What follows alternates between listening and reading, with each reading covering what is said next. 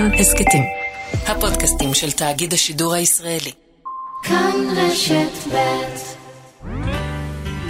תוצרת הארץ. שירי אריק איינשטיין שבחרו אנשי כאן רשת ב' מגיש שרון עידן. כחול לבן רבותיי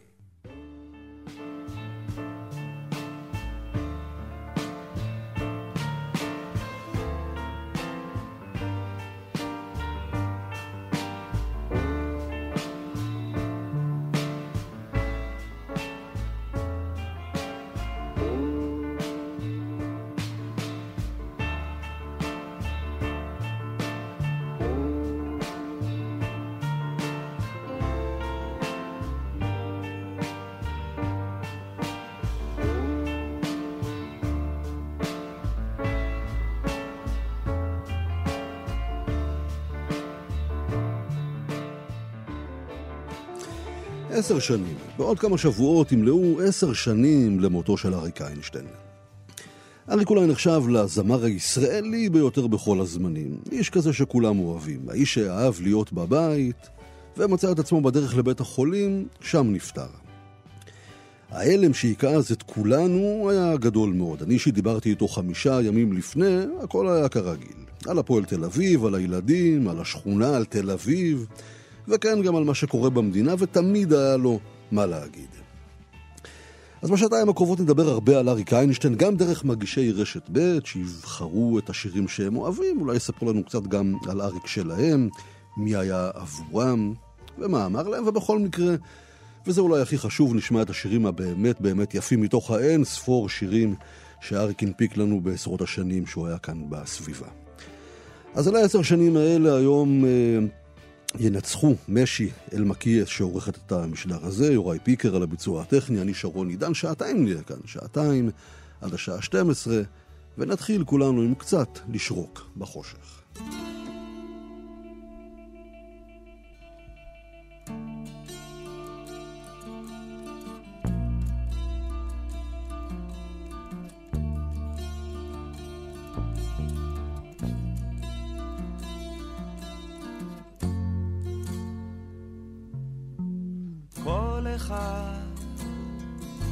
לפעמים שורק בחושך, זה נעים, זה תמיד לשרוק בחושך. גם אני לעצמי, גם אחר במקומי.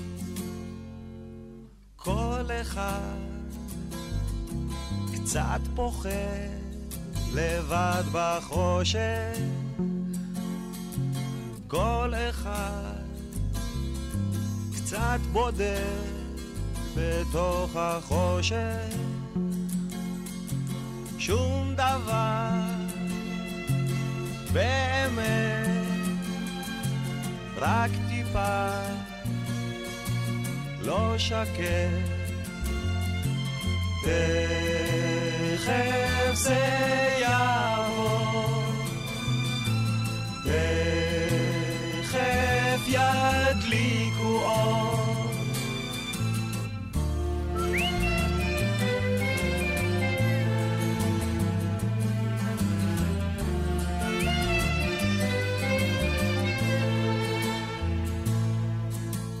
מחשבות לא טובות באות בחושך, לא מרפות, לא עוזבות אותך בחושך,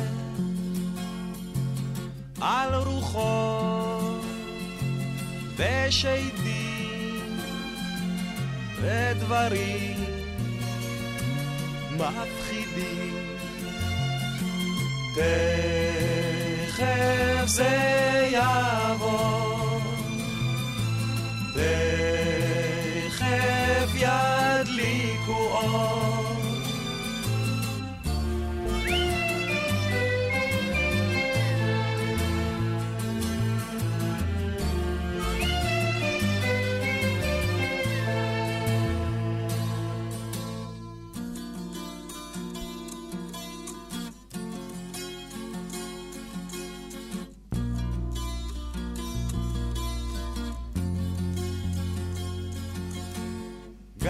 אני לעצמי, גם אתה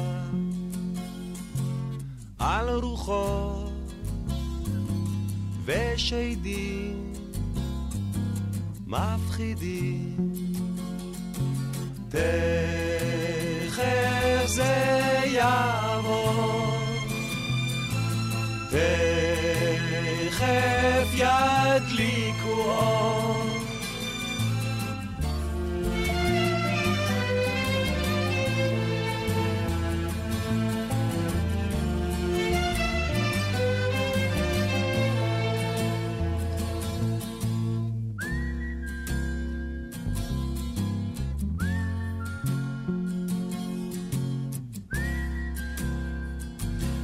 איש רוק בחושך אה, של אריק איינשטיין עם הלחן המדהים של גבריאלוב. אגב, למה בחרתי לפתוח עם זה? כי הרבה פעמים הייתי מציק לאריק ושואל אותו, מה השיר שאתה הכי אוהב? הוא כמובן אף פעם לא ענה, אבל פעם אחת הוא כן אמר לי על לשרוק בחושך, שזה שיר שהוא קצת התפלא שהוא לא היה או הגיע בשעתו ככה ליותר מזה. אז הנה, אז אה, לפחות אה, כאן ועכשיו. בוקר טוב לאריה גולן.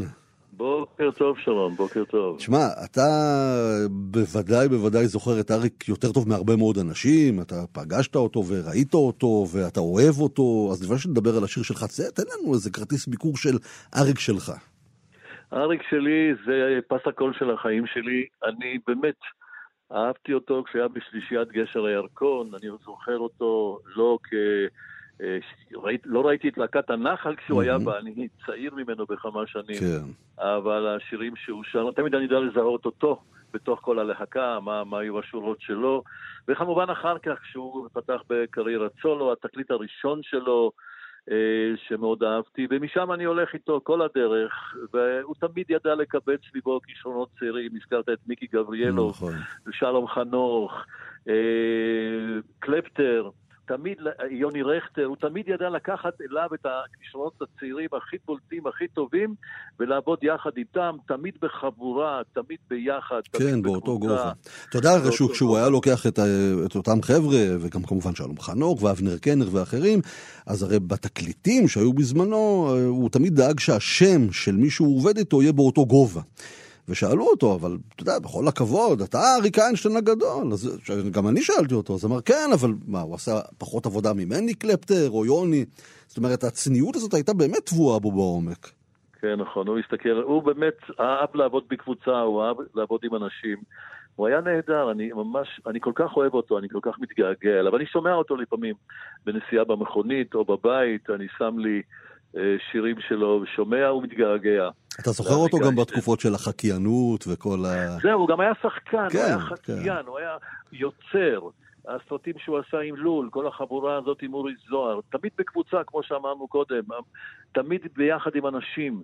אה, הוא היה, הוא היה פשוט נפלא, זאת אומרת, באמת, הגעגוע הוא עצום. אני אוהב המון המון המון שירים של אריק איינשטיין. היה גם פרפקציוניסט. פעם כן. העברנו בשידור חי איזשהו, אה, איזשהו מופע זמר מאיזשהו מקום, ואריק נכנס לאולפן שממנו אני העברתי את השידור הזה, מאיזשהו מקום, לא זוכר מה זה בדיוק היה, הוא הקשיב, ואז הוא אומר, אתה, אתה מבין, אתה שומע את האיכות של הסאונד הזה, את, אני, לכן אני לא אוהב להופיע במקומות האלה. כן. זה לא, לא האיכות הכי טובה שיכולה להיות. זה היה מופיעים בחוץ, באיזה אמפיתיאטרון או משהו, זה לא, זה לא מושלם. כן. הוא היה פרפקציוניסט ענק, אה, והשיר שלו למשל, שלום חבר על רצח רבין, אני משדר אותו כל יום זיכרון בארבעה בנובמבר, אה, לרצח הנורא הזה. זה השיר על הרצח. אה, בקיצור, הוא, הוא ארץ ישראל בשבילי. תגיד, אתה והשירים- כשאריה שמתעסק אה, כל יום, כל בוקר, אתה יודע, עם הקצב אש המטורף שאנחנו חיים פה במדינה, יומן הבוקר, על באמת מיליון פלוס המאזינים, אתה גם, יש משהו קצת שבאמת מתגעגע לימים האחרים, לתקופות האחרות, לקצב השונה. מבחינה אישית, זאת העבודה שלי, אני מאוד אוהב אותה, הלוואי שאני אוכל עוד להמשיך לעשות את מה שאני עושה הרבה שנים, אבל יש לי, אתה יודע, יש לי שעות שאני רוצה מוסיקה, רוצה להירגע, רוצה קצת לשכוח, ואז אני שם אריק איינשטיין. בחרת שיר מאוד יפה. אה, בוא, בוא תגיד לנו אתה, אה, איזה ולמה. הוא מלנכולי כזה, הוא, יש בו איזה עצבות, יש בו איזה הרהור, ג'וזי כץ סיפרה פעם שהוא הגיע אליהם, לשמולי קר- קראוס ואליה הביתה, והיא שאלה אותו, מה איתך? אז הוא אמר, ומה איתך? ומה איתי? וככה נולדו המילים של השיר, ככה סיפרה ג'וזי כץ. כן. אני אוהב את השיר הזה, אבל זה רק אחד ממיליון שירים של אריק איינשטיין שאני אוהב. אה, אוהב לשמוע, יכול לשמוע את זה כל הזמן, בלופ אני יכול לשמוע את השירים של אריק. טוב, תשמע, מה איתי זה תמיד רלוונטי אצלנו, אתה יודע מה איתי, מה איתנו, מה איתך. אריה גולן, אה, תודה רבה, אריה. תודה. יאללה, להתראות.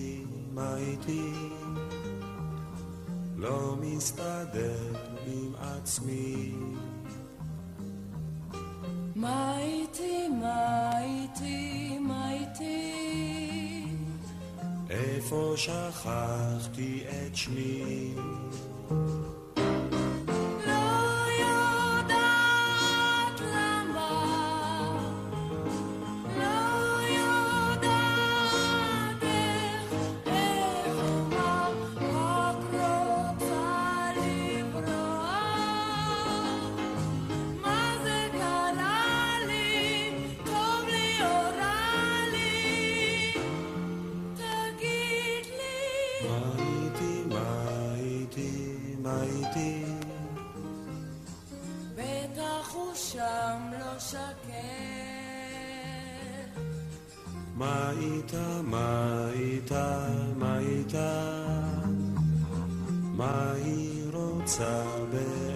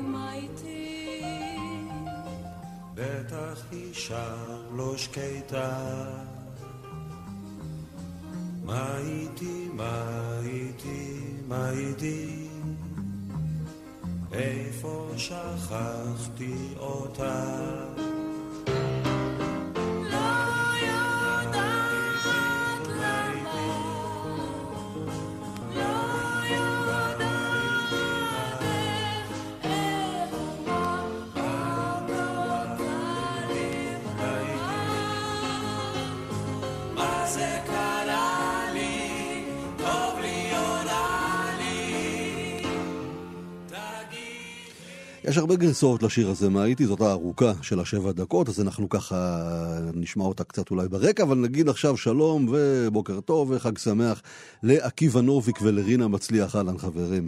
חג שמח, אהלן. רינה, את שרת עם השיר ברקע או לא, את האמת? ברור שכן, אין בכלל מה לשאול, אתה יודע. ברור. תגידו, אני- לפני הכל, מה, אנחנו ככה עושים כבוד לאריק שכבר לא איתנו עשר שנים, מה, מי הוא בשבילכם, מה הוא בשבילכם? יודע, אני חשבתי, חשבתי שלבחור שיר מ- של אריק איינשטיין זה בעיה, כי זה כמו רולטה שכל מספר זוכה, כי כל נכון. שיר הוא... אבל אני דווקא יכולה לספר לך משהו, כי יומיים לפני שהוא נפטר, אני מקבלת טלפון, רינה זה אריק איינשטיין. כן. תוך שנייה נמסתי בתוך האוטו, אני זוכרת. הוא אמר לי, בזמנו הייתה פרשת אה, אייל גולן, וראיינו את זה, מהמם. ואמרגן שאמר, מה אתם באים בטענות לאייל גולן? גם אריק איינשטיין ואורי זוהר עשו אותו דבר. ואני אמרתי כנראה משפט מה זה קשור מה הם עשו, זה לא מה שצריך לעשות גם. זאת אומרת, איך אתה אומר, דבר כזה, אנחנו לא עושים בכלל דברים כאלה, וכתוב, ומפה לשם השיחה כמובן עברה לכדורגל, והתחלתי להגיד, את הפועל באר שבע, ובקיצור, אה, בסוף דיברנו רק על כדורגל. כן. ואז ביום שהוא נפטר, אה, מוני מושנוב התראיין ואומר, רק הבוקר רק אתמול הוא התקשר אליי ואמר לי, ידעת שרינה מצליח אוהדת? אלה היו הדברים החשובים, רינה, את יודעת, אחרי ואז הכל. אתה מבין, אני זכיתי לדבר איתו יומיים לפני, כאילו, זה ממש זכ- אני ממש מרגישה שזכיתי. כן. עקיבא, מה אתה אומר? אה, בליל אה, פטירתו, הסתלקותו, הייתי בחתונה של עיתונאית אה, מידיעות אחרונות, ואני זוכר את רחבת הריקודים ברגע מתרוקנת לחלוטין וואו. אה, מכולם, ופשוט היה איזה מין הלם גדול. אה, אני אז הייתי כתב לענייני חרדים, אז התקשרתי לאורי זוהר, והתחלתי לכתוב מפיו. הוא נחת בדיוק משדה התעופה, ואיכשהו נחה עליו הרוח והוא דיבר איתי. ולא היה לי על מה לכתוב, אז לקחתי מהר מעטפה מהערימה בכניסה ליד הכספת. אלה של הצ'קים, כן.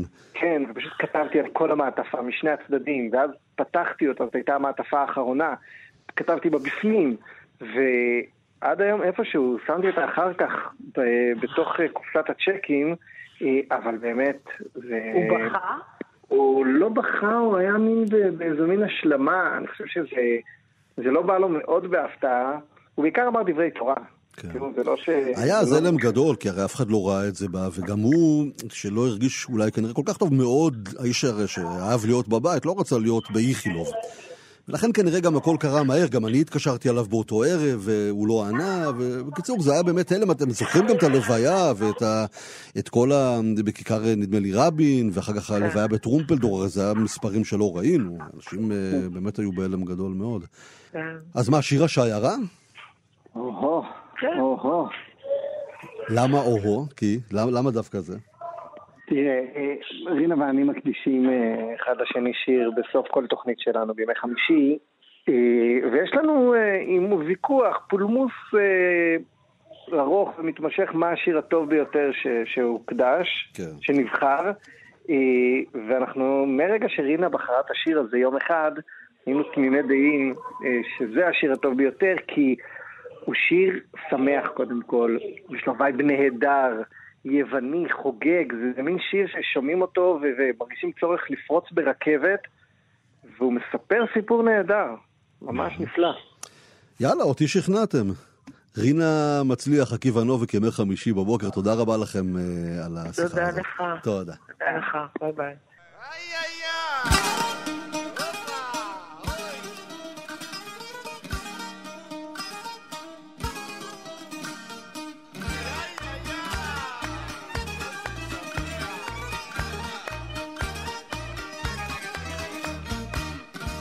בלשונות רבות מספור דיברנו וזה את זה כמעט בכלל שלא הכרנו. ומקומות רבים מאוד עזבנו ורק מקום אחד רצינו ואהבנו. ומקומות רבים מאוד עזבנו ואל הארץ, אל הארץ באנו ונמשכת שיירה מן המאה שעברה. רחוקים כבר היוצאים ניכרים בחלוצים שעמלו עבדו בפרק בלי לראות את סוף הדרך. ועכשיו עוברים אנחנו לא שקטנו ולא נחנו לא ימשיכו בלעדינו זוהי הרפתקת חיינו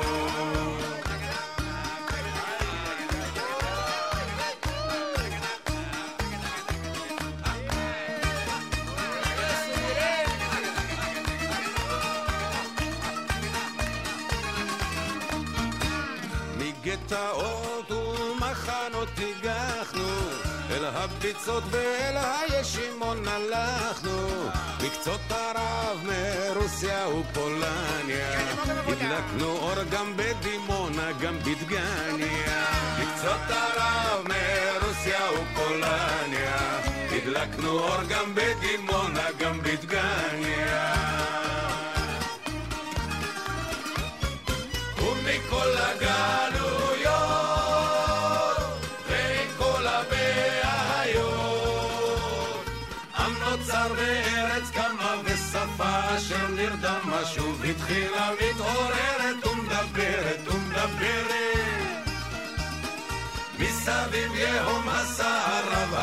הקושי והצער אבל יש על מה לשמוח יש עוד אומץ יש עוד כוח.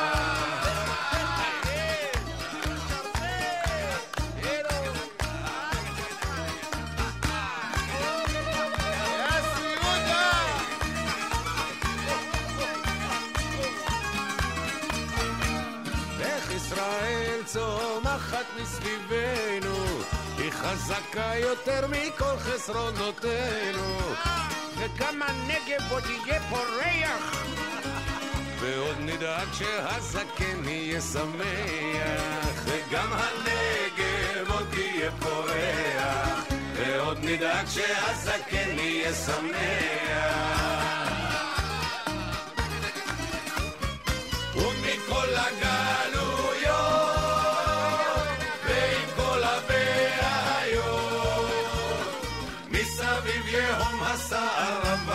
הקושי והצער אבל יש על מה לשמוח יש עוד אומץ יש עוד כוח. ונמשכת שיירה מן המאה שעברה. רחוקים כבר היוצאים, ניכרים בחלוצים שעמלו עבדו בפרק בלי לראות את סוף הדרך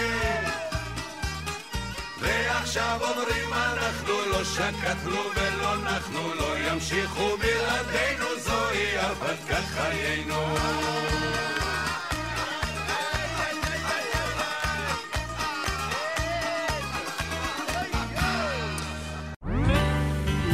תוצרת הארץ. שירי אריק איינשטיין שבחרו אנשי כאן רשת ב'. מגיש שרון עידן.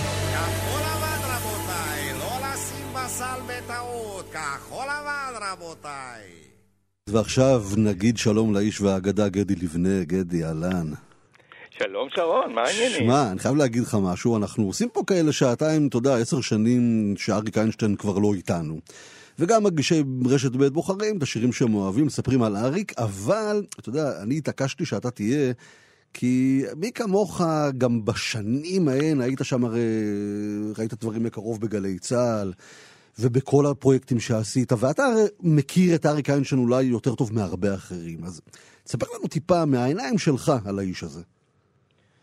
אני חושב שכל מה שיאמר וכל מה שנאמר אה, כבר אה, נאמר. כאילו, אין לי מה לחדש אה, על האופי שלו, על ההומור שלו, על הכריזמה האדירה שלו. אני יכול רק אולי לספר על כמה דברים שקשורים לקריירה שלו. לצד הקריירה הקטנה שלי, כמובן. תן לנו ככה משהו אה, מבפנים כזה. אז זהו, קודם כל, אה, אני מוכרח אה, לספר שכשראיינתי את אריק בפעם הראשונה, זה היה באולפן ג', אולפן קטן קטן של בערך מטר על מטר, שהוכשר כעמדת קריין, מה שנקרא. והיה שם שולחן מתקפל כזה, כדי שכשיבוא אורח לראיין אותו, אז יפתחו את הרגל הזאת ו... בקיצור, לא הוליווד. ממש לא, כן. אריק הגיע לשידור הזה. כן. אה, זה היה יום שישי בבוקר בתוכנית שהייתה לי, והוא נכנס, ואתה יודע, כל הגובה שלו, הוא היה צריך אפילו להתכופף. כן. כי קשה היה. ואז הוא אומר, אה, אה, על ה... לא היה מיזוג, אז הוא נכנס, הוא אומר, אה, מיזוג, אז מיזוג לא עובד. כן. ב- ביידיש, כן, כאילו, כן. אומרים שהמיזוג לא עובד כזה. אתה יודע, ישר הכניס את הבדיחה עוד לפני שהוא אמר שלום. כן. ומה אני אגיד לך? אה, אריק איינשטיין הגדול, היו, הייתה עוד פעם אחת שראיינתי אותו כמובן, ואז אה, דיברנו הרבה גם על אה, הפועל. ו... הוא אהב לדבר על אה, ספורט, כן. ברגע ששמעתי שהוא הושפע, אז אתה יודע, אני זה כאילו אח. ממש, הוא היה בשביל כולנו כזה. אני יכול לספר גם שכמעט כל השירים שלו, שהגיעו אז למצעד, אה, הגיעו אליי ראשונים. היה שמוליק וורנשטיין, שמילך, אם, אם אתה מכיר אותו, בטח. הכרת אותו. שמילך היה אה, האיש המביא והמוציא, נגיד ככה, על יד אה, שיסל וכל החבר'ה האלה, אבל הוא היה מביא לי תמיד סרטי הקלטה ישר מהאולפן, שאריק הקליט. ואני זוכר שסיפרו לי פעם שדליה הלר, שבמקביל אליי ערכה את בגימל, כן. כן, לא, איזה גימל? לא, זאת רשת, נכון, רשת, זה, זה לפני שבעצם רשת גימל הוקמה, אבל נכון, בכל ישראל. נכון, כל ישראל, כן. המצעד העברי של כל ישראל. תמיד הייתה כועסת, איך הוא מגיע לדברים האלה ראשון? אז אמרתי פעם, אני זוכר שאמרתי, תבואי, תגורי בתל אביב ותשדרי מתל אביב. אז... אה, הם היו יושבים בהלני המלכה שם בירושלים, זה היה בדיוק. כן. ופה הם הביאו את זה אלינו ישר מהאולפן, אתה יודע, שתי דקות ליפו. נכון. כך הגיע אליי גם, אה, הגיעו אליי בעצם כל הלהיטים שלו, כולל למה לי לקחת ללב, שגם היה במצעד השנתי בגלי צה"ל במקום הראשון בשנת אה, 70, אם אני זוכר נכון. קיצור, איש מיוחד. תגיד, אתה בחרת את למה לי לקחת ל- ללב. שזה אחד השירים באמת, אתה יודע, מה... כשאתה מסתכל הרי על הרזומה הענק של אריק, נורא קשה לבחור. אבל זה השיר שאי אפשר להתעלם ממנו. בדיוק. לא, תראה, אני, אני, אני גם בחרתי בו בגלל, ש... בגלל שהוא היה שיר השנה במצעד הפזמונים שאני ערכתי והגשתי, ואני זוכר איך שהקדשנו לזה תשומת לב מיו- מיוחדת, בגלל המבנה של השיר, בגלל הגודל שלו, בגלל נכון. תגיד, היום, היום זה היה שלו. עובד? אני, אתה יודע, אני תמיד שומע את השיר השירי... הזה, אני חושב ש- אתה יודע, זה שירי חמש דקות, חמש וחצי, עם כן. מקצבים, ואז אתה אומר, רגע, היום, אתה יודע, זאת הרי יצירה. זה היה עובד בעולם המבזקי הזה שאנחנו חיים בו? אני לא מאמין. לא. לא, אני לא מאמין. יכול להיות שב... אתה יודע, בעיבוד אחר בוודאי שכן. כן. כי המילים והמנגינה בהחלט, אתה יודע, זה קליט. ומה שעשה אותו כבד כל כך ו... ודרמטי כל כך, זה העיבוד שהוא קיבל. נכון. אבל אני חייב לציין עוד משהו, שתמיד, שתמיד אה, אמרו ש... אה, אתה יודע, אני קורא לתקופה הזאת שהייתה לי הזכות אה, לערוך בה את המצעד, אה, התקופה שהלהקות הצבאיות עברו מהגיטרות, מהאקורדיון אל הגיטרות החשמליות. וזה באמת, אתה יודע, התקופה של תחילת הרוק, כן. ואריק הוא המבשר הראשי של התקופה הזאת. אחרי השירים שהוא שר במזל דלי ועוד קודם לכן, פתאום אה, בא לנו זמר שבסגנון רוק, שהניצנים שלו כמובן היו בחלונות הגבוהים, ואחר כך, אה, אתה יודע, ההיסטוריה כבר אה, סיפרה. כן. גדי לבנה, כרגיל היה לעונג, ותודה רבה, תמשיך עם רגעי הקסם. תודה שאני תודה לכם, ותודה הקבועים. לאריק איינשטיין על כל מה שהוא נתן. לנו. תודה, גדי. ביי. נגוון קצת, נשמע את השיר המדהים הזה ככה עם ניואנסים של שלום חנוך, שכמובן גם חייב חלק גדול מהקריירה שלו לאריק איינשטיין.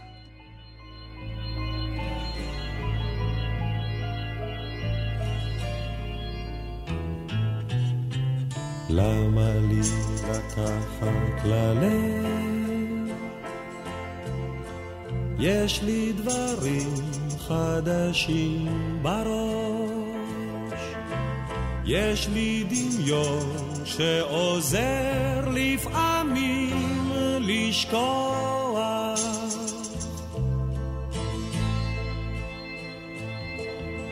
למה לי לקחת ללב? יש לי הרבה לאהוב מראש. יש לי תמיד חברים שעוזרים לשמוח. תן,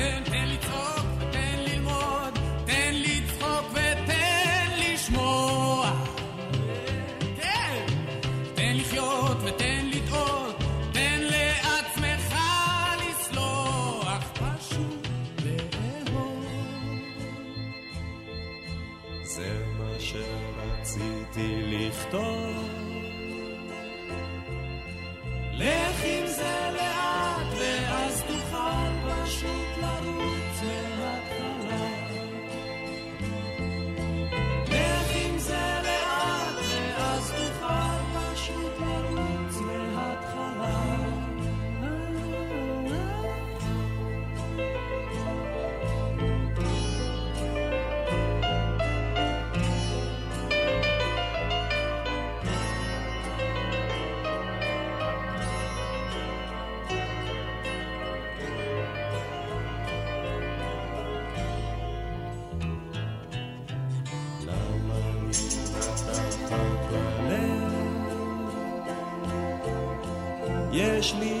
לי הרבה לאהוב מראש.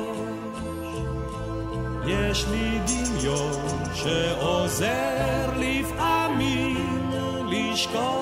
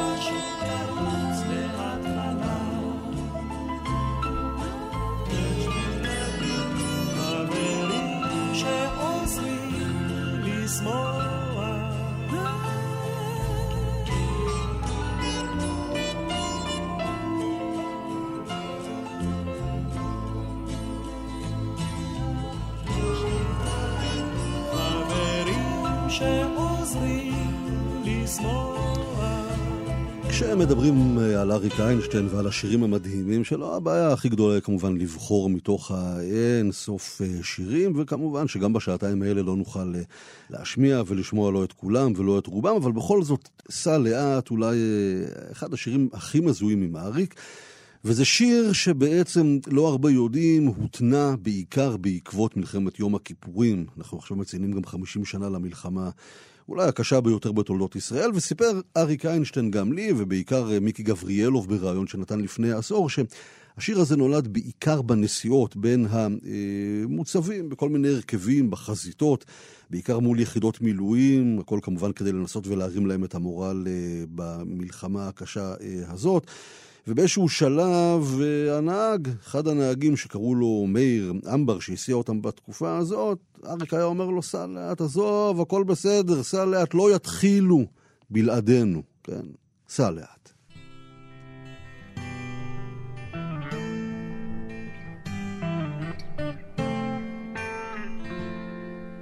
נוסעים במכונית הישנה לתוך הלילה הרטוב.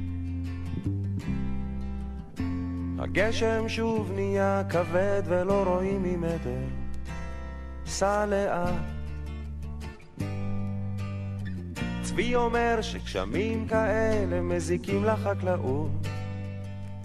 ואני חושב כמה חם בבית. ואיזה מסכנים החיילים ששוכבים עכשיו בבוט. סע לאט, סע לאט. ברדיו החלפון של הגשש פתאום התחילו חדשות. הלילה ירד ברד כבד, אצלי הלך אבישר. צבי אומר שקר לו בראש לסגור איזה חלון. ואני חושב, הפועל שוב הפסידה. ואיזה מסכנים האוהדים שאוכלים להם את הלב. סע לאט, סע לאט, תן למחשבות לרוץ לכל הכיוונים. לא יתחילו בלעדינו, סע לאט, סע לאט. נוסעים במכונית הישנה לתוך הלילה הרטוב. מחר אני אקום מוקדם, תראה יהיה בסדר. צבי אומר שקשה לו לנשום ונגמרו לו הטיפות. ואני חושב, אני חושב עלייך. ואין שאת יודעת לפנק, אני אוהב אותך. סע לאט, סע לאט.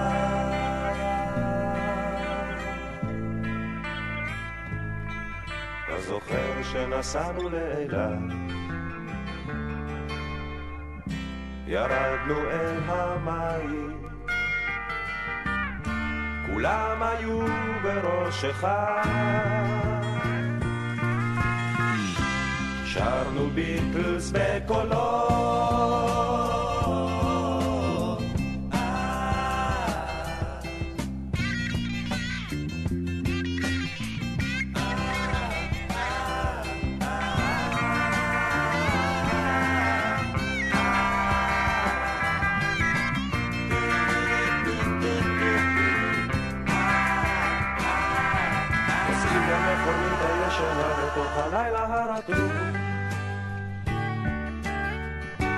הגשם שוב נהיה כבד ולא רואים ממטר. צבי אומר שגילו כוכב שיש עליו חיים. ואני חושב, עוד מעט זה עזה. ורק שלא יעוף איזה רימון ונלך לעזאזל. סע לאט, סע לאט, תן למחשבות לרוץ לכל הכיוונים. לא יתחילו בלעדינו, סע לאט, סע לאט, תן למחשבות לרוץ לכל הכיוונים. לא יתחילו בלעדינו, סע לאט. נוסעים במכונית הישנה לתוך הלילה הרטוב.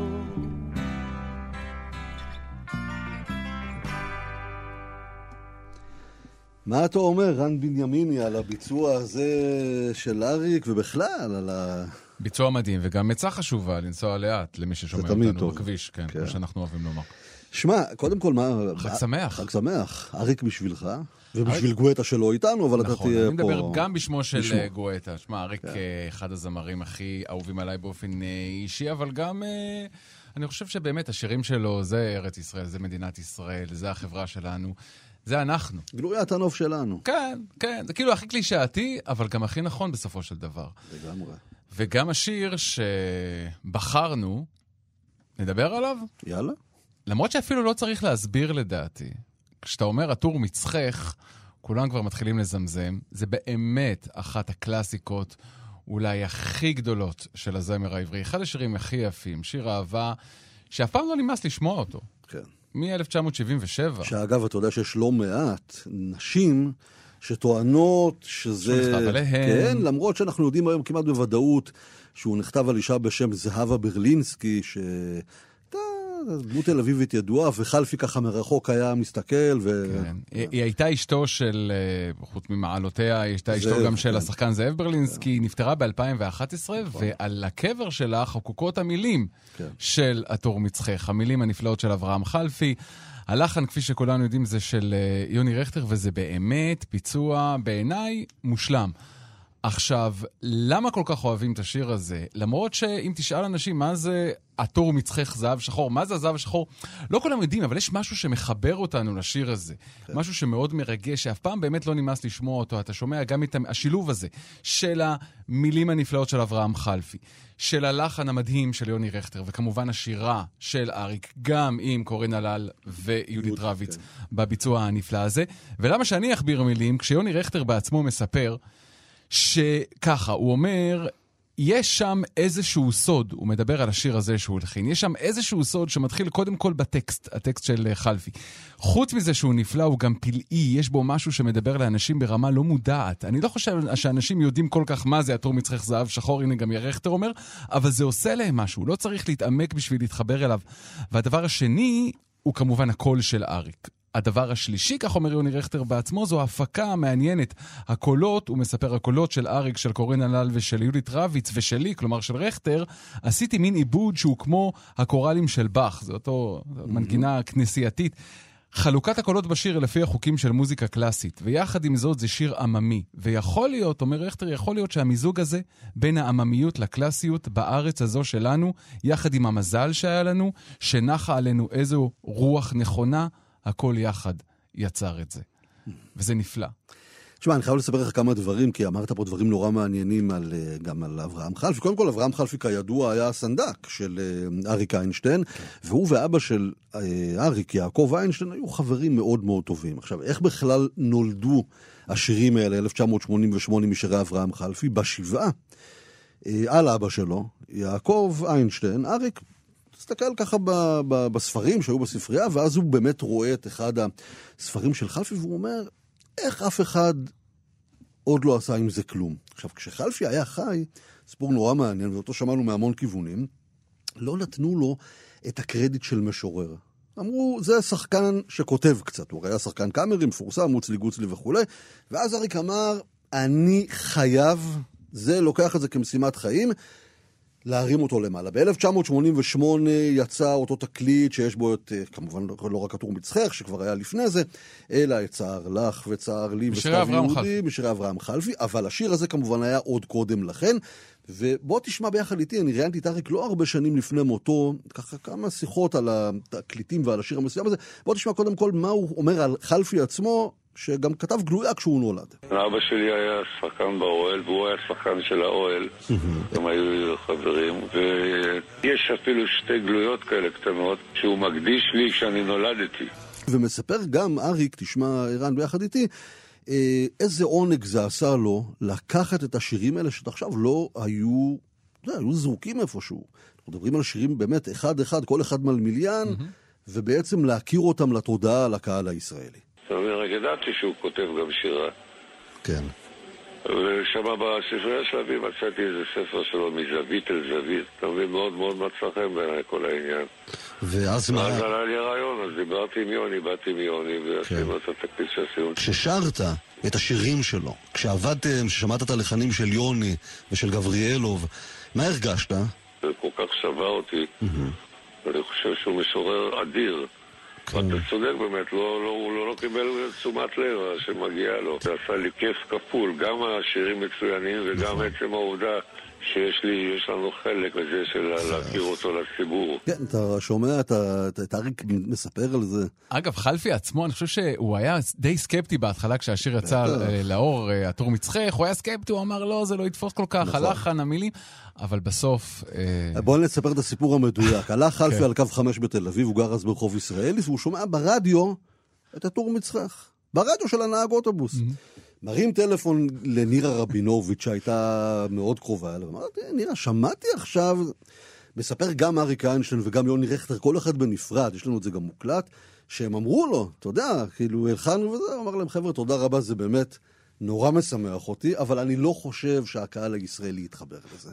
וזה כמובן רן, אתה יודע, אחד השירים ששתי וערב תמיד היו במקום הראשון, בכל מצעדי המצעדים, העשורים, המילניומים וכולי. הוא באמת שיר נצחי, כן, הוא באמת בהחלט. שיר נצחי, הוא שיר שעבר, שעובר בין דורות, צעירים, מבוגרים. כיף כל כך לשמוע אותו, מרגש כל כך לשמוע אותו. כשהוא הופיע, הוא הופיע באלבום שנקרא ארץ ישראל הישנה נכון. והטובה, חלק ג', וזה באמת שיר של ארץ ישראל, הישנה והטובה, אין מה אז להגיד. אה, רן בנימין וגואטה ברוחו כאן אה, איתנו. הטור מצחך. קלאסיקה. עטור מצחך זהב שחור. אינני זוכר אם כתבו כך בשיר. מצחך מתחרז עם עיניים ואור. אינני זוכר אם חרזו כך בשיר, אך למי שתהיי חייב להישיר. חלוקי חברות, צמרירי ורב. את בו מתעטפת תמיד לעת ליל, לא הייתי רוצה להיות לך אח. לא נזיר מתפלל לדמותו של מלאך. ורואה חלומות עגומים של קדושה, אישה.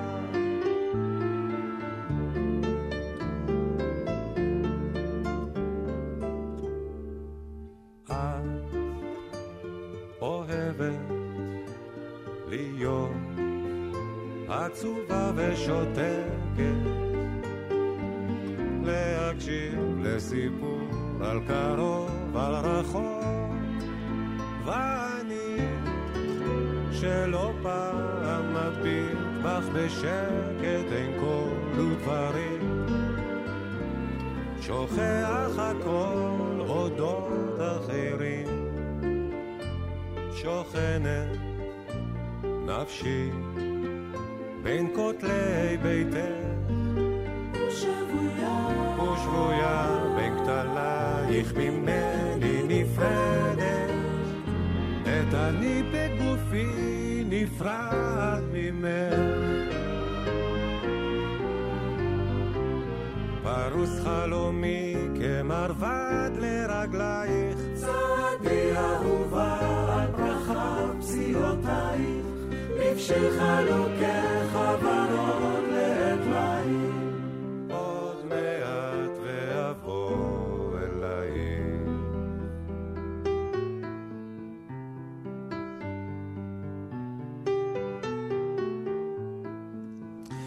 אז אנחנו חותמים שעה ראשונה, אבל ניפגש כאן כמובן גם בצידן השני של החדשות, שעתיים עם שירי אריק איינשטיין, גם מגישי רשת ב', ושמעתם גם קולות של אריק אה, עצמו.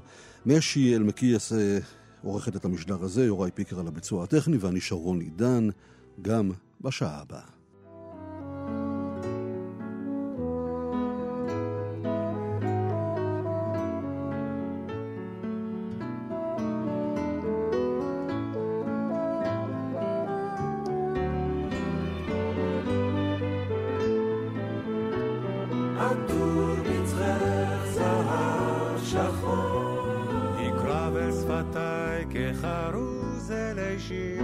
אז אלחש באוזנייך עד בוקר הדור כשיכור. עטור מצחך זהב שחור. עטור מצחך זהב שחור אינני זוכר אם כתבו כך בשיר. מצחך מתחרז עם עיניים ואור אינני זוכר אם חרזו כך בשיר,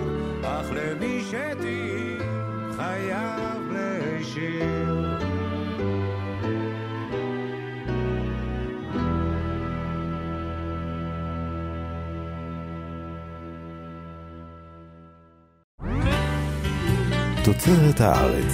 שירי אריק איינשטיין שבחרו אנשי כאן רשת ב'. מגיש שרון עידן. כחול לבן רבותיי, לא לשים בסל בטעות, כחול לבן רבותיי.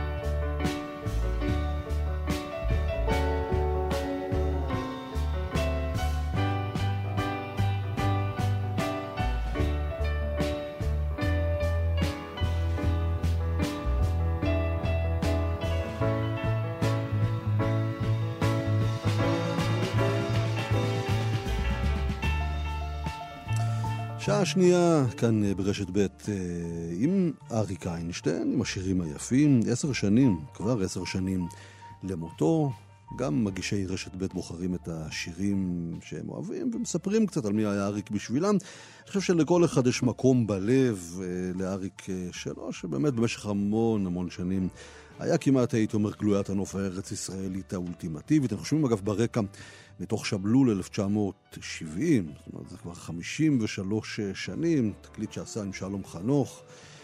אבל uh, שנה אחת אחרי, בדשא אצל אביגדור, עם מיקי גבריאלו וזוהר חוף מציצים, שם באמת גם לא מעט uh, שירים שהפכו לנכסי צאן ברזל ונשמע גם בשעה הקרובה.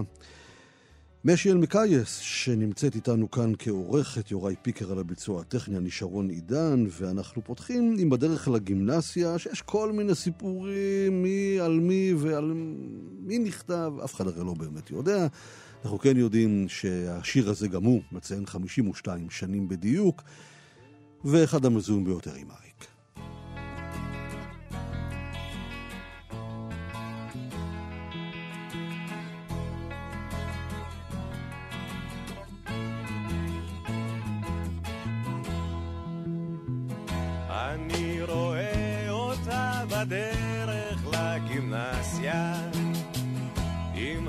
הילקוט ובתלבושת אחידה. בעוד שנה כבר לא תהיה יותר ילדה. אני חושב שבשבילי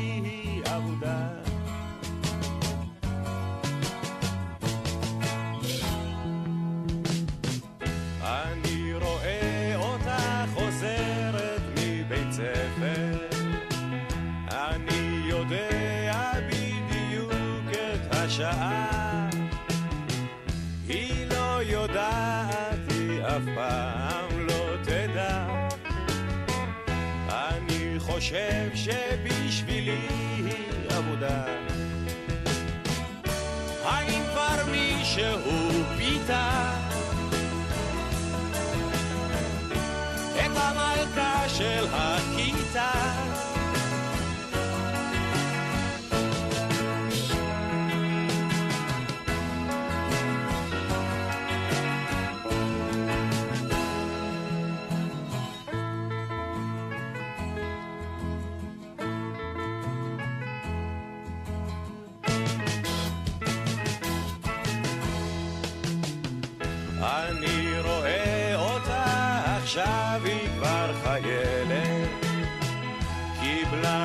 חופשה היא משרתת באוגדה עם הכומתה היא עוד נראית לי כמו ילדה אני חושב שבשבילי היא עבודה.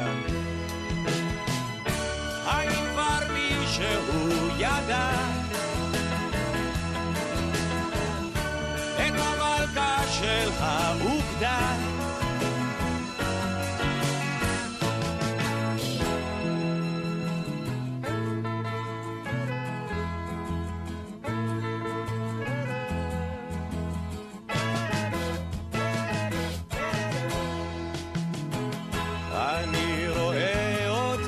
בדרך לגימנסיה אני חושב שבשבילי היא עבודה.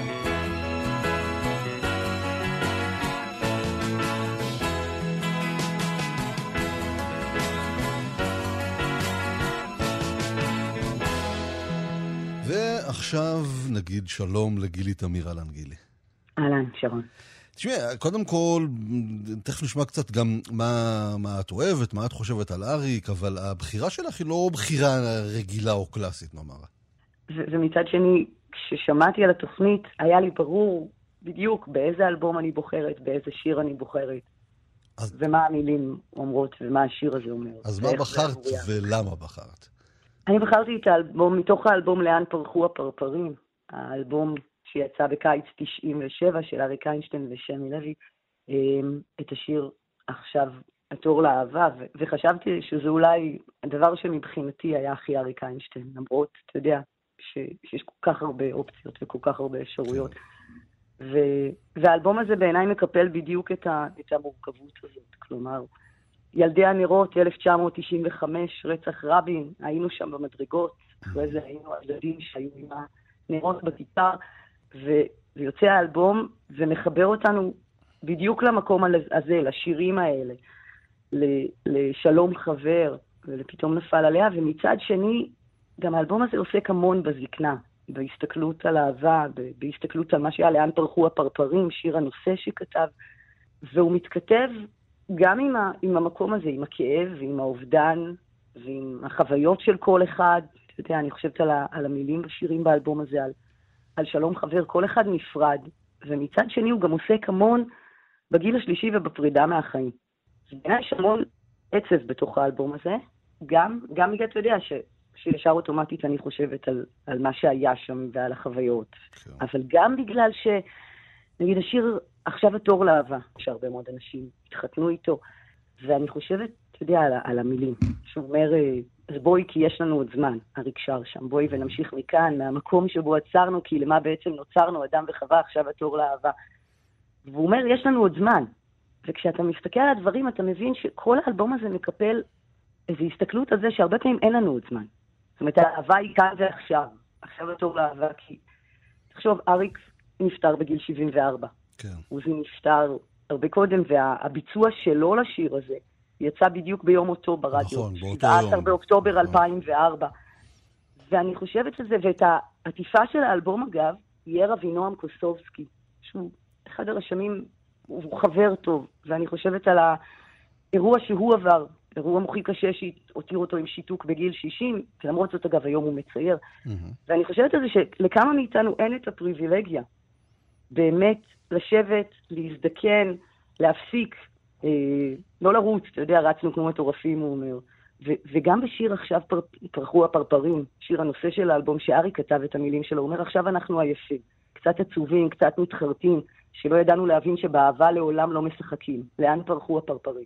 והעטיפה של האלבום מתארת בדיוק את זה, ואני חושבת שהאלבום הזה הוא אלבום שהרבה פעמים אי אפשר לא להתחבר לכאב שלו, לעצב את שלו. מתחברת לזה גם מהמקום שלך, נכון? מהעבודה שלך, מהאנשים שאת רואה, זאת אומרת, את אומרת, מדברת על פריבילגיה של להזדקן בשקט, שבכלל לחיות בשקט, וזה לא, לא תמיד השיר, קורה. בוודאי, זה לא כן. קורה הרבה פעמים. נכון. אנחנו הרבה פעמים אומרים, אוקיי, אנחנו נגיע לפנסיה, אנחנו כן. נהיה עם הילדים, אנחנו נהיה עם האנשים שאנחנו אוהבים.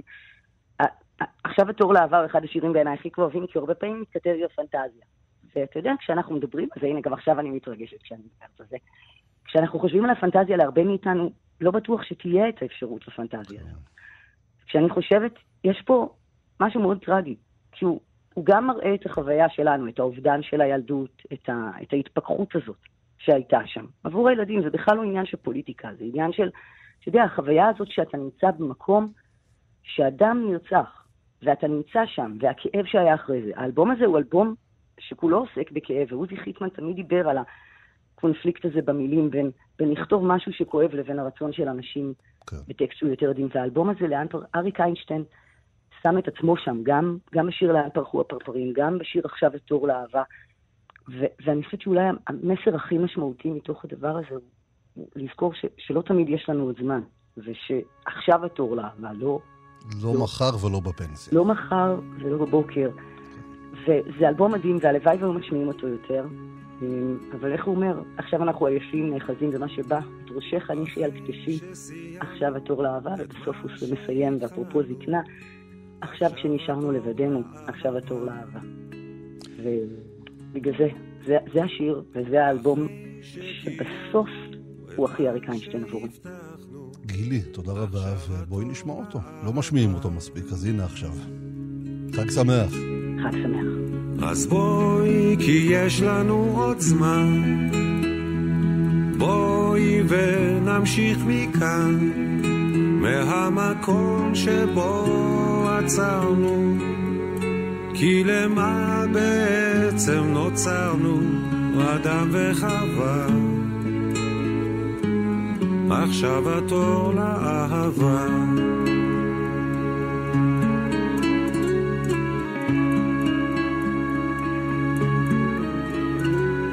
אחרי שעשינו את מה שחלמנו, עכשיו התור לאהבה. אחרי שניסינו והחכמנו, עכשיו התור לאהבה.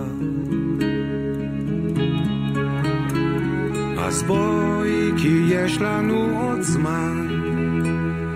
בואי ונמשיך מכאן, מהמקום שבו עצרנו. כי למה בעצם נוצרנו, אדם וחווה. עכשיו התור לאהבה. רצנו כמו מטורפים, ולא ידענו בשביל מה. לב שבור וסדקים ודוקר על הנשמה. עכשיו אנחנו עייפים, נאחזים במה שבא. את ראשך הניחי על כתפי, עכשיו התור לאהבה.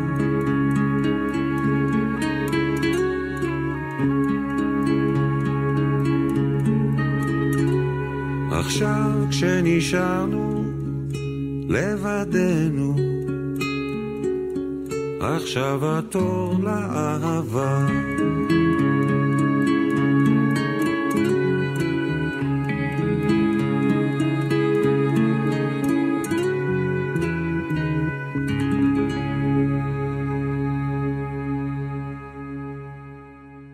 שלום יאיר ויינרב. עידן, מה העניינים? טוב, תגיד, אנחנו תמיד מדברים על, אה, אתה יודע, כספים, כלכלה, חברות תעופה, דילים, אבל בחג הזה מדברים על אדון שוקו. אין ספק שזה שינוי מרענן ואפילו טעים. אתה אוהב לגמרי. שוקו? אני מאוד אוהב שוקו. ואתה יודע שגם הילדים שלך אוהבים, אני זוכר את הביצועים המיוחדים שלך, חביבי. כן, כן, שמע, הייתי מעיר אותם במשך, אני חושב, א', ב', ג', יכול להיות שזה התחיל אפילו בגן, הייתי מעיר אותם כל בוקר עם השיר הזה, אה, וזה היה עובד. ככה שכל מי שיש לו בעיה עם להעיר את הילדים בבוקר, אז קודם כל שיר זה, זה רעיון מעולה, שיר כזה ש, שעושה משהו. ואדון שוקו היה, אגב, היה מחכה להם גם שוקו, לפעמים גם לחמניה, זאת אומרת, זה היה מין טקס כזה. אירוע. אירוע. ברור, וזה פשוט עבד, וזה שיר מקסים. ואני עד היום, אגב, אתה יודע, לפעמים אני יושב במסעדות, בבתי קפה, כמו כולנו יוצא לי, כן? ו- ובא לי להזמין שוקו חם. להיזרק לאחור, אתה אומר. כן, יש לי חבר טוב, קוראים לו עודד שחר, אתה מכיר אותו גם. הוא בכלל לא שותה קפה, הוא יושב במסעדה, בית קפה, הוא מזמין שוקו. מצד אחד יש בזה משהו שהוא קצת מביך. בכל זאת, אנשים מבוגרים שותים שוקו, מה, מה לנו ולעניין הזה? אבל אה, כן, ולפעמים ממש בא לי להתפרע גם עם קצת קצפת מלמעלה, ו- ו- נתת לנו. נתת לנו סקופ, תשמע, עם עודד שחר. זה... עכשיו אני מבין את כל ה... מקווה שלא יהרוג אותי. לא, אני מקווה, עכשיו אני מבין את כל הדיווחים על עליית מחירי הקקאו בזמנו וכאלה. תמונה מתבהרת. אתה יודע, כן. יאיר, אני חייב לספר לך, אני הרי הכרתי את אריק לורה, והיה לנו המון שיחות בטלפון בעיקר. ובשנים האחרונות, לפני שהוא נפטר, אחד הדברים שהיו אותי מוציאים מדעתי, שאתה- הוא היה אומר לי לפעמים על כל מיני שירים שלו שהם נכסי צאן ברזל, מדהימים, אה, הייתי עושה את זה אחרת. עזוב, זה לא... ואני הייתי, אתה יודע, אני הייתי אומר, איך זה יכול להיות? אבל על דבר אחד, תמיד הוא היה אומר לי, עם זה אני שלם. וזה היו שירי הילדים. זה פשוט היה מדהים לראות את זה. בכלל לא משנה, אתה מדבר על אדון שוקו, אפשר לדבר על כל, על פריזמון להקינטון ורוח רוח ומועסות האיילות, וקילפתי מהמם. תפוז, ואתה יודע, הוא עם השירים לילדים תמיד תמיד היה הכי שלם. אני חושב שגם כשאתה מסתכל וחושב קצת על השם של האלבום, הייתי פעם ילד, אז נכון שהוא מנוסח בלשון עבר, אבל אה, כולנו נשארים ה- הילד הזה. נכון. ובגלל זה עד היום, נגיד את רכבת השישה עשר, כן, אתה זורק אותנו למקומות אחרים, אבל גם אנשים מבוגרים נהנים מהשירי הילדים האלה, והם תמיד נורא מושלמים, כי יש להם ריח. כשאתה שומע את השירים האלה, גם, גם אדון שוקו אה, ויתר השירי ילדים שנמצאים באלבום הזה, יש להם ריח. נכון. אני לא יודע אם אתה מצליח להתחבר למה שאני כן, אומר, כן, אבל בהחלט, כשאתה. שומע את, הילד, את השירים האלה, זה זורק אותך אה, בצורה רב-חושית ל, ל, למה שהשירים האלה עושים. מדהים. יש בשיר הזה אה, אפילו ערכים, שאתה, אם אתה חושב על זה, אתה מוצא בזה המון ערכיות ב- מעבר לטעם ולניחוחות הילדות. יש משהו נורא תמים בשיחה פשוטה בין אנשים, או מה נעשה, זה, זה, זה הדבר שאתה יודע, הרבה פעמים, נכון. במיוחד בגילים האלה, ילדים נפגשים אותו, מה נעשה? אה, אז נלך לבקר, אדון שוקו אחי, אז יש בזה משהו נורא נכון. תמים וטהור וילדותי, אבל, אבל לא רק. זה, יאיר, אתה זוכר, אתה זוכר. את הערב הזה, נכון? שפתאום שמענו כולנו שאריק אה, בדרך לבית וואו. חולים, ופתאום כן. אחרי שעתיים נפטר באיכילוב. אתה- אתה זוכר את ההלם כן. שהיה? זה, זה, זה ממש שוק. זה, הוא, הוא היה, הוא עדיין סוג של דמות אלמותית. אמ, אני זוכר שבכיתי, והייתי בבית, במטבח אני זוכר, ובדיוק התכוונתי לצאת לעבודה או משהו כזה, לא...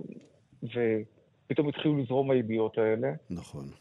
ואני מוכרח להגיד לך שגם חשבתי עליך, כי ידעתי כמה אתה מחובר אליו. אני הרמתי לו טלפון, דרך אה, אגב, אתה יודע, כששמעתי, וממש התקשרתי, ואני לא- עד היום לא יודע מי ענה לי, אה, כי כנראה זה היה איזה בן משפחה, ואמר לי, הכל בסדר, הכל בסדר, ואמרתי לאשתי, הכל בסדר, ואז שמענו ש- שלא הכל בסדר. אז אה, אתה שואל אותי עכשיו וזורק אותי ל- ליום הזה, ואני, אם היית רואה את רואה את אורה ברווז, אני, אני מצומרר. כי זה כאילו לא יכול להיות, זה לא הגיוני, ומה פתאום, זה, זה נוף, הוא היה סוג של נוף חיינו, כן? כן. הקול העמוק והמדויק הזה שלו, נכון. והביצועים האלה, יחד עם, אתה יודע, עם, עם הביישנות שלו והצניעות שלו, היה בו משהו כל כך ישראלי צרוף. ואתה יודע, אם אנחנו מתייחסים בכלל לתקופה שאנחנו חיים בה היום, אז סוג של הישראליות, שפתאום אתה מגלה שחלק די גדול בעם קצת בז לה, ואתה כל כך מצטער על זה, נכון. ש... שלא, שהוא, שזה כבר לא כל כך אולי קונצנזוס מה שהוא ייצג. הקולנוע שהוא עשה, והשירים שהוא עשה, וכאילו חלק מהעם אולי הלך קצת למקומות אחרים, ואתה חש פספוס כזה, שזה לא משהו שהוא... אבל אני עדיין חושב שהמחנה המשותף שהוא מייצג הוא ממש רחב. נכון, הוא- עד הוא- היום. הוא- כן, עד היום. כן. אבל זה סוג של ישראליות שאני נורא מתגעגע אליה. דברים משתנים, אנחנו יודעים, אבל הוא באמת מייצג איזשהו עוגן של ימים אחרים. דרך אגב, אני באמת הכרתי אותו, אבל לפני שהכרתי אותו, גרתי ברחוב אה, חובבי ציון, לא רחוק מהבית שלו, ויום אחד הוא הלך מולי. ואתה יודע, אתה רואה אותו כאילו הוא יצא, אה, יאיר, מעטיפה של תקליט, עם חולצה סגולה, עם הבולרו, אתה יודע, אתה שם את הז'קט כן, כן. השחור הזה עליו, אני עד היום זוכר שפשוט קיבלתי הלם, הוא פשוט הלך מולי, לא, לא חלמתי כמובן על לגשת אליו, לא ניגשתי אליו, הוא הלך מולי עם מנת פלאפל ביד, ואתה רואה את תמצית הישראליות המזוקקת הישר לווריד, כן. הוא היה כל כך מרשים, אתה יודע, זה, אני זוכר את זה עד היום, זה כמו מין איזה פאטה מורגנה ככה שיצאה לה מתוך רחוב חובבי ציון. טוב, יאיר, אני חושב שהיטבת להגדיר ולזקק אותו, כן, ישראליות כזאת שקצת... השתדלתי. כן, כן. עשית את זה כהרגלך הטוב. יאיר ויינרב, תודה רבה לך, ויאללה, על כוסית של שוקו שלום. בהזדמנות. בהחלט, סגרנו, עם. קצפת אולי. סגור. ביי. ביי ביי.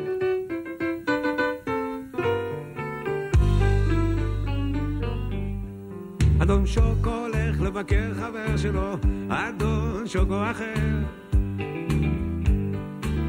מצחצח נעליו, מסרק שערו, והולך עם מקל ומגבעת. בוקר רוח קלה, והנה בית ירוק, דלת אדומה, קלינג קלינג קלינג, בפעמון. בוקר טוב, אדון שוקו, בוקר טוב, אדון שוקו, מה נעשה? אולי נלך לבקר, חבר שלנו, אדון שוקו אחר. שוקו, שוקו.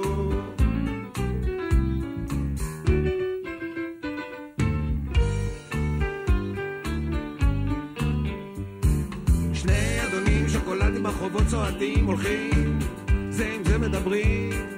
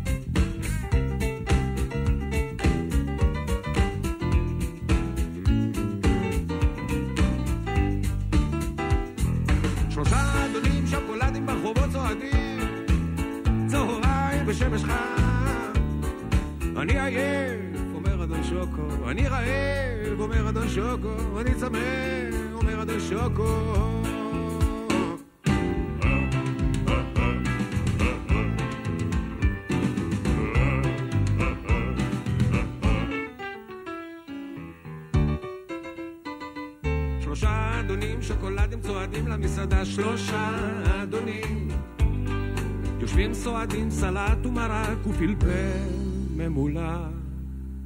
וכבר לא ילכו לבקר חבר שלהם אדון שוקו אחר. שוקו, שוקו, שוקו, שוקו וואו, אדון שוקו הולך לבקר חבר שלו אדון שוקו אחר מסרק שערו והולך עם מקל ומדבר בוקר רוח קלה והנה בית ירוק, דלת אדומה בלינג בלינג בלינג בפעמון שלום לעמרי אסנהיים. שלום, שלום. מה שלמה? בסדר גמור, בסדר. מתרגש לדבר על אריק איינשטיין. ספר לנו קצת בשבילך מה הוא, מי הוא. תראה, אריק איינשטיין אה, מתחבר אצלי להרבה מאוד דברים. אני חושב שאחד הדברים ש, ש, ש, שהוא מתחבר אה, אצלי הכי הרבה זה הספורט. כי אני מאוד מאוד מאוד אוהב ספורט, ואריק איינשטיין מאוד אהב ספורט, ו... והיה לו חבר נוסף שקראו לו רוני דניאל, שגם הוא בינתיים הלך לעולמו, וגם הם היו מדברים ביחד על ספורט, ורוני היה מספר לי על השיחות שלו עם, אה, עם אריק איינשטיין, איך אריק אה, מתקשר על כל איזה גול של אה, קבוצה מליגה שלישית או רביעית. ו... ולכן אני מאוד מאוד, אתה יודע, אנשים שאוהבים ספורט הם בעיניי אנשים מאוד מיוחדים, כי יש להם עוד איזה מימד, חוץ מהמימד של האומנות וחוץ מהמימד של השירה ו... והכוכבות שהייתה לו וזה שהוא היה שחקן קולנוע כמובן, וגם שם, היו, וגם שם היה חיבור לספורט בעיניים גדולות, למשל. אה, אז, אז זה הדבר ש, שמאוד חיבר אותי אה, אה, אליו, כמובן, המוזיקה המופלאה שלו, שליוותה אותי מאז שאני ילד בתל, במושב תל עדשים, אני זוכר, אני זוכר שאני הולך לבית התקליט בעפולה וקונה את התקליטים שלו, גם המוקדמים, איכשהו יש לי את הזיכרון שאני הולך לבית התקליט בעפולה ואני קונה את, את אוהב להיות בבית, ואחרי זה את, השיר את האלבום של שירי אברהם חלפי שהוא עשה. בקיצור, בקיצור, אריק איינשטיין, אתה יודע, הוא, הוא, הוא מופיע בכל כך הרבה נקודות ובכל כך הרבה צמתים, ש... אתה יודע, אתה אי לא אפשר יכול לפספס, כן, זה כן, ואתה. יודע, כל שיר מזכיר לך איזשהו מקום, כל שיר מזכיר לך איזה זיכרון ילדות. ו... אגב, אתה, אתה יודע, עמרי, כאילו, מה- תמיד ככה אנשים הרי מנסים לפענח מה היה סוד הצלחתו, הרי הוא ברח, אתה יודע, מה, מהבמה, כבר מתחילת שנות ה-80, ולא אהב להתראיין, ולא אהב לצאת מהבית, כן, עם התה והלימון והספרים. אתה כעיתונאי, מה, מה עשה את זה לאנשים לדעתך? איך זה באמת היה? איך זה, איך זה באמת קרה? תראה, אריק איינשטיין, אני חושב, היה שני דברים. הוא היה אחד האנשים הכי ישראלים שאני מכיר. זאת אומרת, הוא היה ישראלי. הוא היה ישראלי כמו שאני כילד רציתי לראות את הישראלי. והדבר השני, אריק איינשטיין היה מישהו שהיית רוצה שהוא יהיה חבר שלך. אני לא חושב שכל הזמרים הם אנשים שאתה רוצה שהם יהיו חברים שלך. אה, אתה יכול מאוד מאוד לאהוב, לאהוב את המוזיקה שלהם ואיך שהם כותבים, ו- ואתה יכול לפעמים להרגיש כאילו הם כותבים את החיים שלך. אבל אתה לא, לא תמיד רוצה להיות החבר של, שלהם, כי לפעמים אנשים מוזרים וקצת פרועים, והחיים שלהם הם חיים משונים. אריק איינשטיין רצית להיות חבר שלו. רציתי לשבת איתו בבר ולדבר איתו על ספורט ועל, ועל, ועל מוזיקה ועל תיאטרון ועל פוליטיקה ועל כל דבר אפשרי ועל קולנוע. אז uh, אני חושב שזה היה החיבור, הישראליות והרצון הזה להיות חבר שלו בכל מצב. תגיד, אז אתה גם הלכת ככה לבחירה מעניינת, לא מובנת מאליה, נכון? כן. אה, אה, שגם מתחברת קצת לספורט. נכון, אה, מכבי הישן זה, זה השיר ש, שבחרתי, זה שיר שהכיר לי אותו אה, דווקא בשנים האחרונות, אה, מישהו שהיה עורך וידאו של סרטים שהכנתי, קוראים לו יניב שבתאי, והוא ככה גם כן אוהב מוזיקה ישראלית, והוא פתאום השמיע לי את מכבי הישן, ששמעתי אותו מזמן, אבל הרבה הרבה זמן מאז לא, לא יצא לי להאזין לו. וגם האזנתי לו כשהייתי יותר בשנות הילדות שלי ולא בשנים המאוחרות, הוא משהו שהוא כמעט לא מושמע ברדיו אם בכלל, ובחרתי בו כי הוא, הוא נותן לך להרגיש כאילו אתה חי בשנים האלה. כאילו אתה הילד הזה שהולך למשחק כדורסל על מגרש בלטות, משחקת שם מכבי תל אביב או הפועל תל אביב, ואתה, ואני בחיים לא הייתי בתל אביב, אני גדלתי בתל אביב, מעולם לא גרתי בתל אביב, ואף פעם לא הייתי במשחק של, משחק על מגרש בלטות, ואף פעם לא קניתי אה, אה, פלאפל שבא משוק בצלאל אה, לפני שנכנסתי למשחק, אבל אבל משהו בתיאור הזה של, של אריק איינשטיין, הנונשלנטי הזה, תן חצי מנה ותביא לי גם כוס מים, אני קצת ממהר, סחוג חצי כפית, אתה יודע, זה כאילו נותן לך את ההרגשה שאתה ממש חי איתו, אתה כאילו, אתה בתוך החוויה, זה בשבילי אריק איינשטיין. כן, ממש גלוית נוף תל אביבית, ומי שמכיר את ה... באמת את האזורים האלה, שכמובן חלקם כבר לא, כבר אינם, כן, כבר לא ממש איתנו. אה, בהחלט יעריך, ועמרי אסנהיים, הרבה תודה על השיחה הזאת. תודה רבה רבה לכם. תודה לך. להתראות, ביי ביי. תל אביב חמה תל אביב צוחקת אנחנו עוד קטנים ויש מעט מאוד עיר של אהבה. עיר שלא חונקת, שמש וגנים,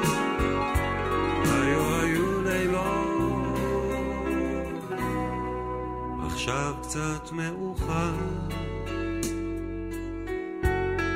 שקט מאוד בבית. אני יושב לבד חושב על החיים.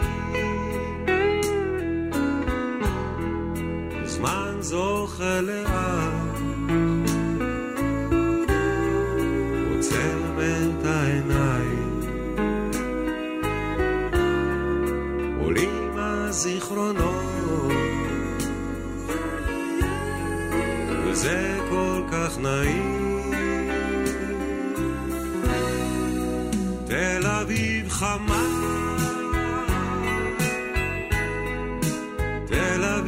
צוחקת. אנחנו עוד קטנים ויש מעט מאוד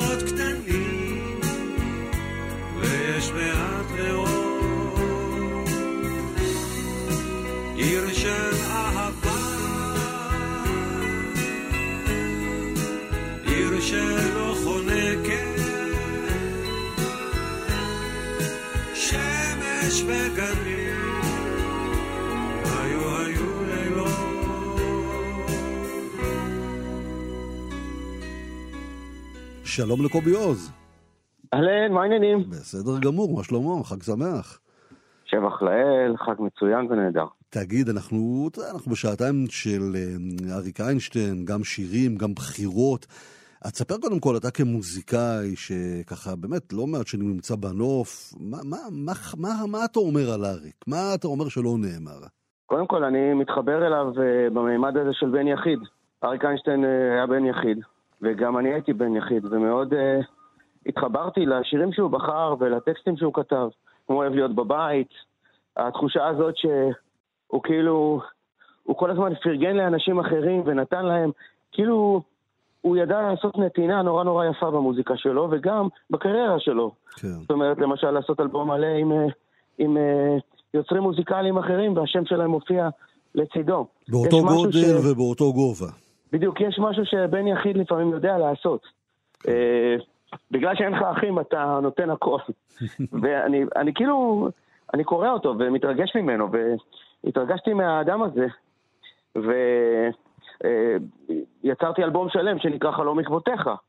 וזה הכל שירים של אריק איינשטיין בביצועים שלי. נכון. כך שהיה לי הרבה מה להגיד על הבחירות שירים שלו. אני חושב שהוא איש תרבות ממה- מהמעלה הראשונה.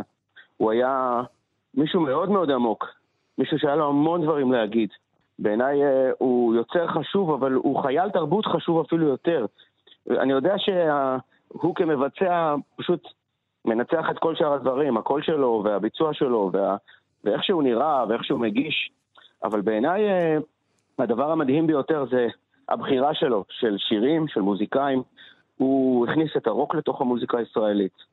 ממש פתח לה את הדלת הראשית עם המעמד שהיה לו, ובום, הכניס את כל החבר'ה האלה שהיו במועדונים, ברמלה, במקומות אחרים, פתאום הם מנגנים בתוך המיינסטרים. הוא עשה המון דברים חשובים, ואם אני צריך לבחור אה, שיר אחד אה, של אריק איינשטיין, שאני במיוחד מתרגש ממנו, זה יהיה השיר חלום עקבותיך. אה, כן, עשיתי אלבום שלם שהכותרת שלו חלום עקבותיך, אבל השיר הזה עצמו, של אברהם חלפי, הוא שיר מאוד מרגש. במיוחד אה, הדיבור שלו זה על אה, אלוהים, שאתה לא יכול לראות אותו, אבל אתה יכול לראות את העקבות של המעשים שלו. כאילו, יש כזה קטע ב... שמשה רבנו אומר לאלוהים, אה, אני רוצה לראות אותך, ואלוהים אומר לו, אתה תוכל לראות רק את הזנב של העילה שלי. הוא מסתכל והוא רואה רק את, ה...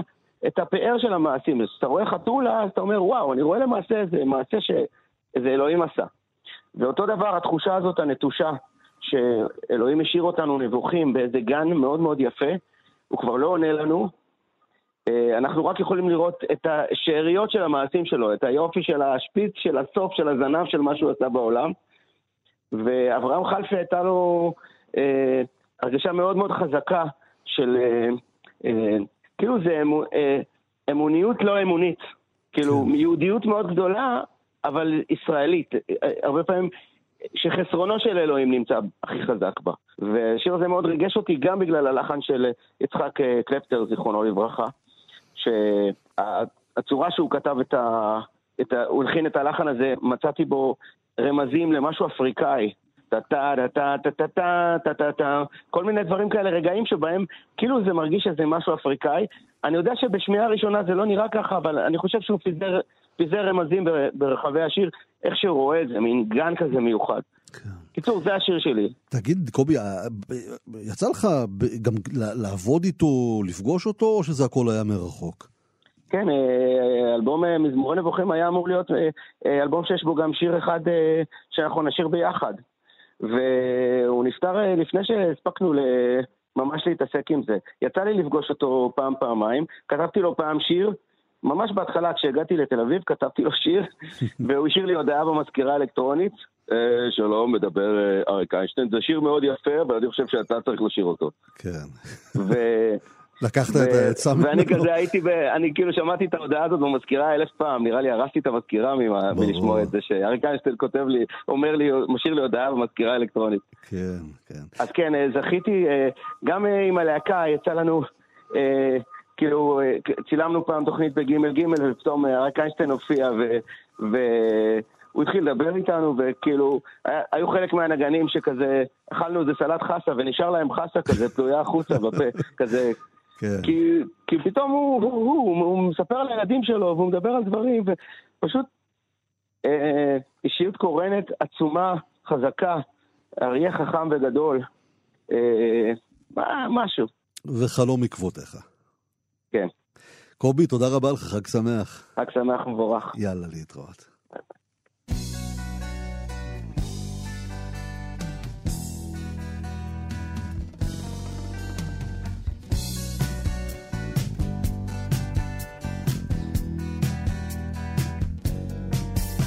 חיפשתי אותך ולא מצאתיך, חיפשתי אותך חלוץ בענן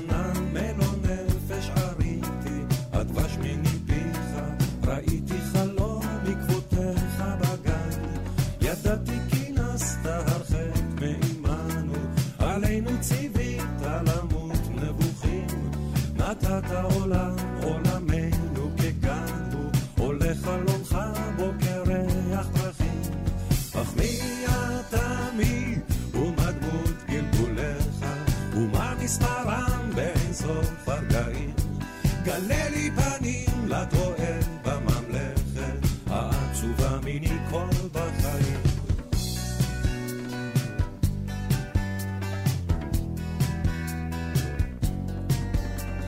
Hani o hata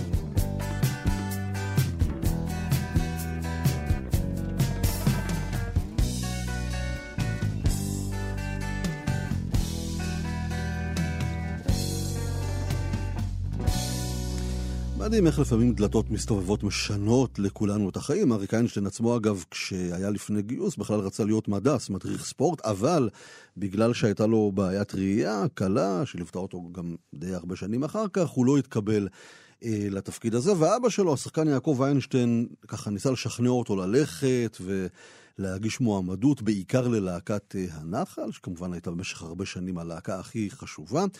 וכשהוא הגיע למיונים, מי שבחן אותו היה חיים טופול, האגדי, והיו שלושה מועמדים שהגיעו ל photo finish. טופול אמר לו, תשמע, אנחנו עכשיו עושים תחרות של הורדת ידיים.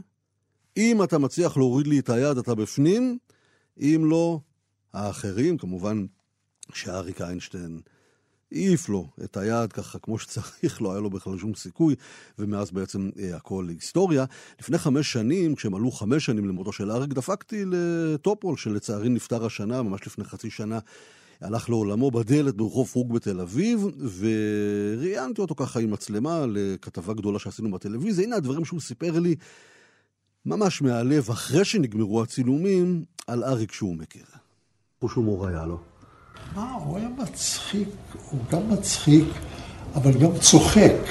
זאת אומרת, כשהיית מספר לו בדיחה, הוא היה נהנה ומודה לך, הוא היה... הוא היה מענץ' בקיצור. בן אדם מיוחד, אני לא מכיר אף אחד דומה לו. אין, כן, טיפוס מאוד מאוד... וגם עם, עם הבעיה הזאת של העיניים, שהיא מנעורים. כן. זאת אומרת, זה לא שזה בא לו בגיל 70, 75, כבר לא קורא טוב. כן. זה היה כל השנים. בקיצור, ח... מכווץ קצת העיניים ככה. נכון. חמש שנים, אתה מאמין? חמש שנים, אבל זה לא יאומן. אבל אני חושב שאצל כולנו הוא עוד חי, כן. באמת. זה לא, לא כאילו שהוא נעלם.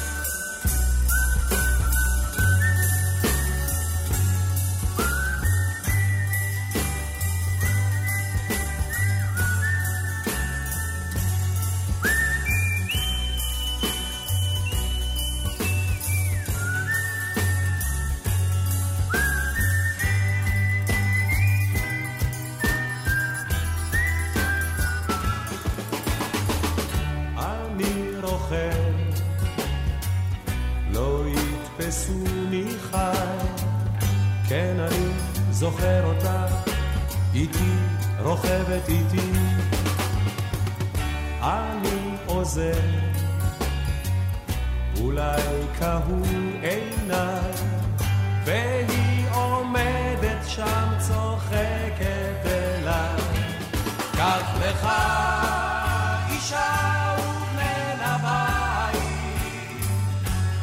קח לך, קח לך. אני רוכב, השמש בגבי, כן אני מרגיש אותה איתי כאילו עכשיו. הזמן עוקב וכבר נוגע בי, ואין כבר דרך להמשיך ולרכב.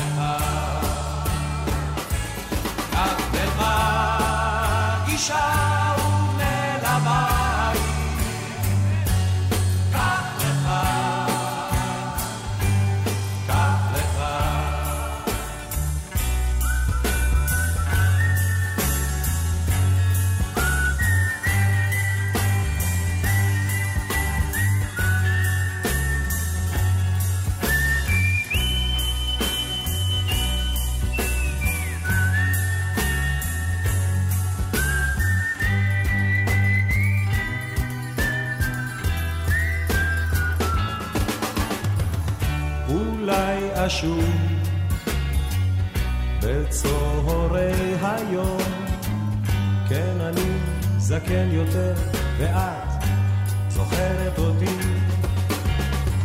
זה לא עצוב שמסתיים חלום, זה לא עצוב כי את נשארת איתי. אנחנו חותמים כאן שעתיים אה, של שירי אריק איינשטיין, גם עם בחירות של מגישי רשת ב' ובכלל, ככה שירים יפים שעושים אה, כיף. תודה רבה למשי אלמקייס שהייתה איתנו כאן וערכה מעבר לזכוכית. תודה רבה לתמיר צוברי וליוראי פיקר על הביצוע הטכני. אני שרון עידן, רק טוב, כיף ובעיקר חג שמח.